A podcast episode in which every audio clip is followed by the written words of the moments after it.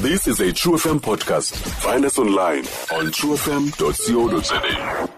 sithetha ngomcimbi we-depression. Feel free nawe ke xa ngaba mhlawumbi um unayo imibuzo nje onqwenele ukuyiphosa phaa kugqirha wethu losawuncokola naye ungathi kaloku usifowunele um kwiinombolo zethu 0475311206 phambi koba siye ke kudok um ndiyafuna nje into yobana ndiqale kuqala ndifunde these two comments apho ke bekubuzwa into yobana wena ingaba mhlawumbi yintoni oyaziyo okanye how much kwekangana- wazi kangakanani ngedepression? Uthi ke usandiso eh, yena unontshikiza well i don't know much because ke mna because of my lack of education ngayo uh, when it comes to depression le? But ke so far ndazi into yobana ke depression is the bottling up of things which end up uh, crushing your soul. Alright uthi ke ukhuse yena umasangwana uthi ke um mna ndinayo i-depression disorder um ndihlala ndine-headaches ndihlala ndizivalela ndodwa ndinala anger um you know ibuhlungu impilo yam. Ngaske ndingabikho. My goodness this is really really uh, very deep and touching and scary. Okay so mas- masamkele ke ugqirha on the line dr mkabayi siyakwamkela enkqubeni. Molo molo sis. Inkosi masibulele kakhulu nathi um ngokusenzela ithuba lokuncokola nathi. Inkosi alright uh, dr mkabayi khawusixelele kokuqala nje uba yintoni i-depression kwaye ke futhi ibangelwa yintoni? Um ndiyabulela msasazi ngelithuba. It's a pity because ndiye ndakhangela igama mhlawumbi endingayichaza ngalo le diagnosis ngesixhosa ndangalifumani it's kodwa ke fine. ndafumanisa into yoba abantu abaninzi bayazi as i-depression. Okay. Um i-depression um sisifo sengqondo se-mental illness. Kokuqala nje. Eh, sisifo esiafekta ingqondo Mm. eh esingaafekta wonke umuntu mm. chaphazela belungu singachaphazela amandiya singachaphazela zonke ii-races esinazo. Yes. Eh asikhethi noba umuntu ungumuntu ongumama okanye utata asikhethi ntsho nkqu nabantwana siyabaphatha abantwana.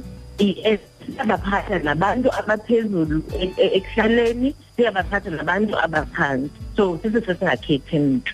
Yes. Eh umuntu ubona njani ke xa ngaba ene-depression? Eke? Eh ufumanisa uba xa une-depression u- uyadinwa lonke ixesha. Uziva udangele umoya uphantsi.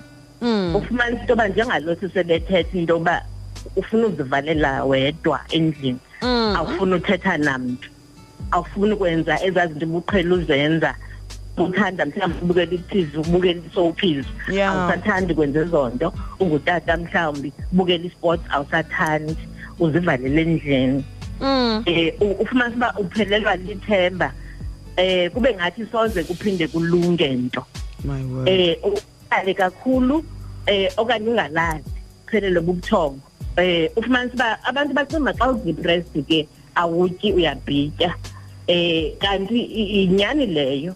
Mm. kodwa abanye abantu batya kakhulu batebe instead mm. so abantu ke eh, eh, abamnyama xa utyebile bayathanda ukukunqoba ewe kaloku usegazini. intombi wonwabile umile bayazi ukuthi into etyayo ngaphakathi eyenza into yoba utye yonke into oyibonayo phambi kwakho mm. um ungasoyi ungahlambi umase uba uhlambe nohlamba yes. Ungakami ube mdaka. My Eh, gosh. ufumanisa uba u- u- uziva uyinto engeyon- enge- engeyoyanto nanto kuthiwa yi-worthlessness. Yeah ukungakwazi ukusebenza ngenyameko emsebenzini impazamo. Cha into ongaqhelanga uzenza emsebenzini usaziwa njengomuntu okhutheleyo emsebenzini ufumanise i-mistakes um awunawo nomdla wovuka nje emsebenzini okanye esikolweni njengoba bendishilo iyabaphatha nabantu abatsha and then ufumanise uba uyagula uyakugqirha unentloko utshilo omnye umntu apha Mm, umphulaphuli wagena umphulaphuli. unentloko Mm. ufumanise uba unentloko umzimba udiniwe kubuhlungu amalungu onke omzimba uhambe uye kugqirha wakho ugqirha wakho asikakunike iipilisi zentloko akunike iipilisi zezinto okuzikhalazelayo Mm. Kanti eyona mba- mbange nobangela i-depression ungancedakali into ebalulekileyo ke nge-depression yamanyani because ikhona i-depression ibe khona into yokuziva uba uphantsi eh, eh, eh, you are feeling sad. Yes. Une-stress mhlawumbi u- u- ubhubhwe ngumyeni yeah. for instance. Okay. mhlawumbi ubhujelwe noma yi-family member or kunengxaki ekhona ekhaya. Obviously akuziba mnandi. Mm. asiyibizi i-depression ke leyo. But i-depression kufuneka ezinto ndizibalileyo zikuphathe for a minimum of two weeks. Two weeks. ezimbini. Minimum. Minimum abantu okay ziyabaphatha even for iinyanga ezininzi even for years bengazazi uba bayagula mm. But i-minimum ibeyi-two weeks. Nenhlobonhlobo yona i-depression le inenhlobonhlobo i-depression bendiyibalayo ngoku for instance i-major depression. Okay okay. Eh ikhona into ekuthiwa i-depression adjustment depression with adjustment. Yeah. Adjustment disorder with depression. For instance if uya-adjusta enye ubhujelwe mm and then ube ube ube a bit depressed because unento ekhayo okay. Kube khona another one which is a major one eh, and which i-depression is part of eh into ekuthiwa i-bipolar mood disorder. Mm. I- I I think kofuneka undibize nisasazi for- for another day ukuba ndiyidiscuss ke leyo ininzi No and problem. ibalulekile into yoba abantu bakuthi bayazi because it's becoming more common. Eh mm apho umuntu uba depressed abe nazo zonke into endizibalayo kodwa kwelinye icala aphinde abe ne-high mm. Abe phezulu okay. Ahambe ayospenda ahambe a- ayokwenza izinto e- angaqhelayo zenza eh eh but ah, nayo ine-depression phakathi. So zingihlobo i-depression. But Okay. eyona yona yona i- ibalulekileyo efanele sifocuse kuyo yi-major depression. Eh iye ilidela abantu uba ukhona usisode wathi ndide ndizive uba ndifuna uzibulala. Mm mm, doc eh, kahle that is kahle major depression. I'm very very scared after reading that comment leyana doc kangaba ndiyarhalela into yobana phambi ngoba nje sebe siyohlukana ukhe uphosa amazwi kulo sisi lona ngoba eh, ndiyaqonda uba zii-signs njengoba sowutshilo ihambelana nezi signs uzixelayo. So naye uyandoyikisa ingathi ecicini usendaweni erong Usecicini. um usendaweni Kodwa erong kamnandi bendibukele into eTVini this morning Mm. uprofessor we-psychology esithi uprofessor.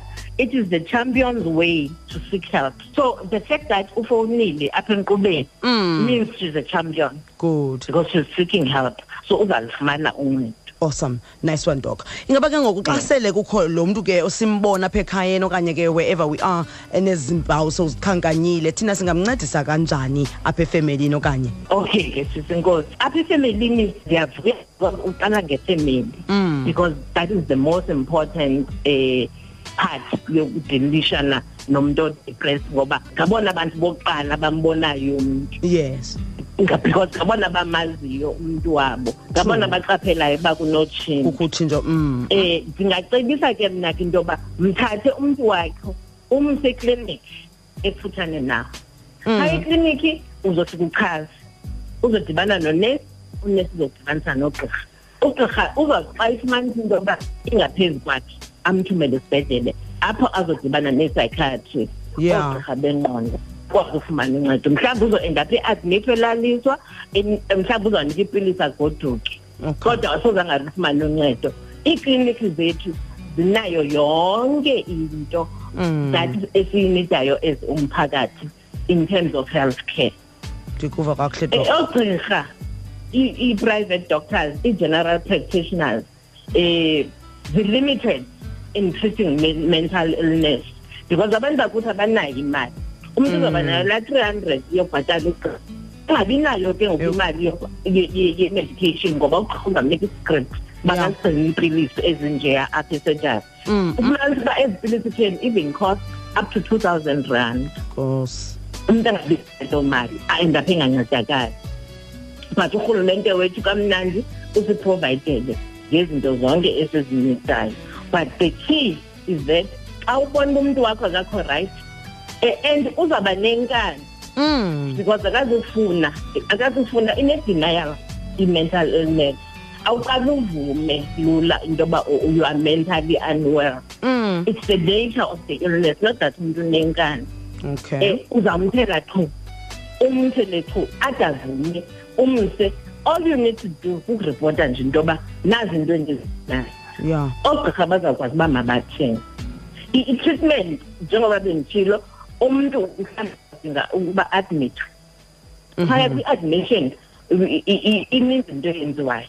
Akalaliswa nje ebhedini um it's a multidisciplinary thing that deals with umuntu one-depression nomuntu one-mental illness.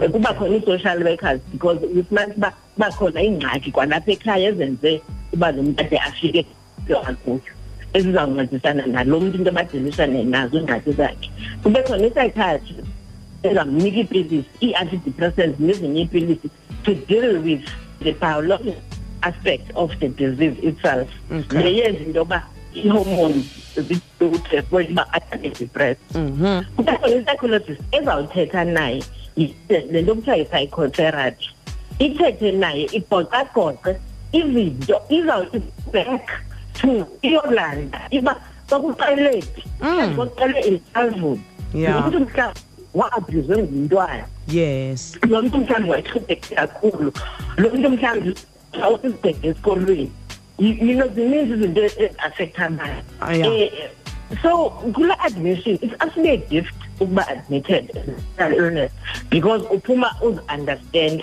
mm. Uphume nale treatment uyinikiweyo uyisela but uzi-understand ubungubani uzi-understanda into yoba wena ii-limitations zakho yintoni. Okay. Enye into emandiyiphawule mthathazi singekazi ndiyazi ixesha lincini yeah. Yinto yoba abantu abadepressed may end up besela utywala may end up besebenzisa iziyobisi.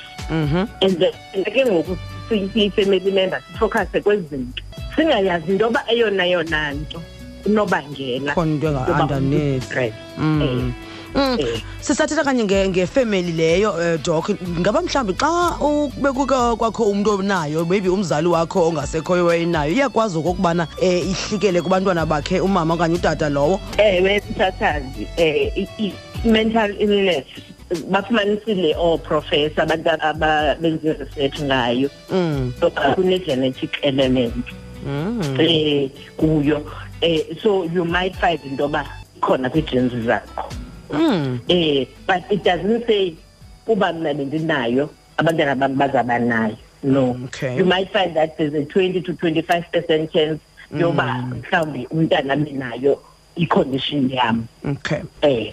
Doke enye into bethayo thina eh ku- kuthi bantu bamnyama abantu endiqonda uba ibenza bahlale eh bangabangizi ngaphambili njengoba sosithi mhla- abanye ba- bangene kwi-alcohol abuse and so on and so forth sesi stigma sokokuba uye kuzawuthiwa ziyamshiya uyaphambana apha elalini uyayibona mhlawumbi apha ekuhlaleni Eh. kuthethwe kanjalo so umntu ke ngoku uh, umbone uba Ah kaloku akekho umuntu ofuna uba ube ngathi ushiywa zingqondo okanye u- u- kuthiwe kuye uyaphambana. So yonke le so so kusenziwe ezaa signs xa ebonwayo kuthiwe wow nanko uqalile. So i think nayo loo nto leyo inalo igalelo into people not coming forward um ngemicimbi efana ne- ne- ne-mental um, illnesses. Uthini kuloo ndawo?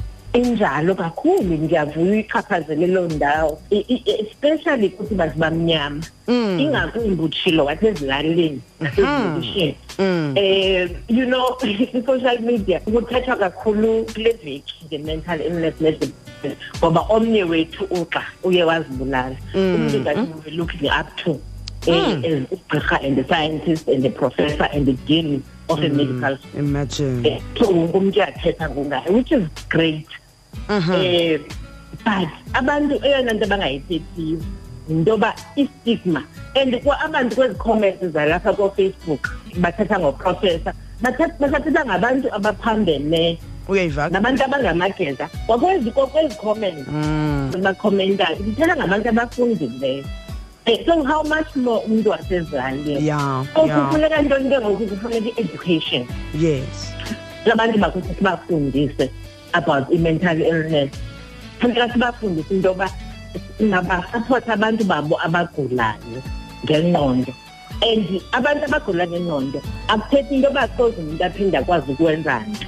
Mm. even umuntu osi-schizophrenic um lo uthola amaphepha. Yes. Kuthiwa si-schizophrenia aba bangamageza sibabona sedolophini bechola amaphepha. Mm. aba bantu banayo i-chance if they can right doctor bafumane the right support ekhaya. Bafumane the right i- institution okay um doc masikuyeke ngoku ngenxa yento yobana nenetwork yakho seyithanda ukhalaza kodwa ke Oh. ndiyavuya uba ulwe ilizwe elithi simele sizidiscusse nezinye ezina starting with i-bipolar as well as naleyo uyivezayo ngoku i-schizophrenia. Besingayazi uba aba ba- ngaba bachola amaphepha abo. So um we'll make time and then talk more about this. Enkosi kakhulu ngexesha lakho.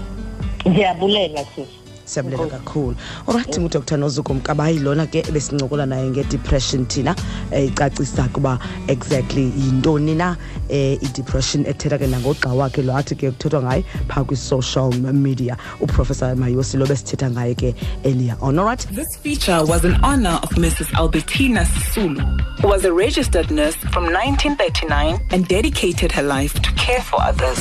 Stream True FM online on truefm.co.za. sikho yonke indawo ngalo lonke ixesha like no one else.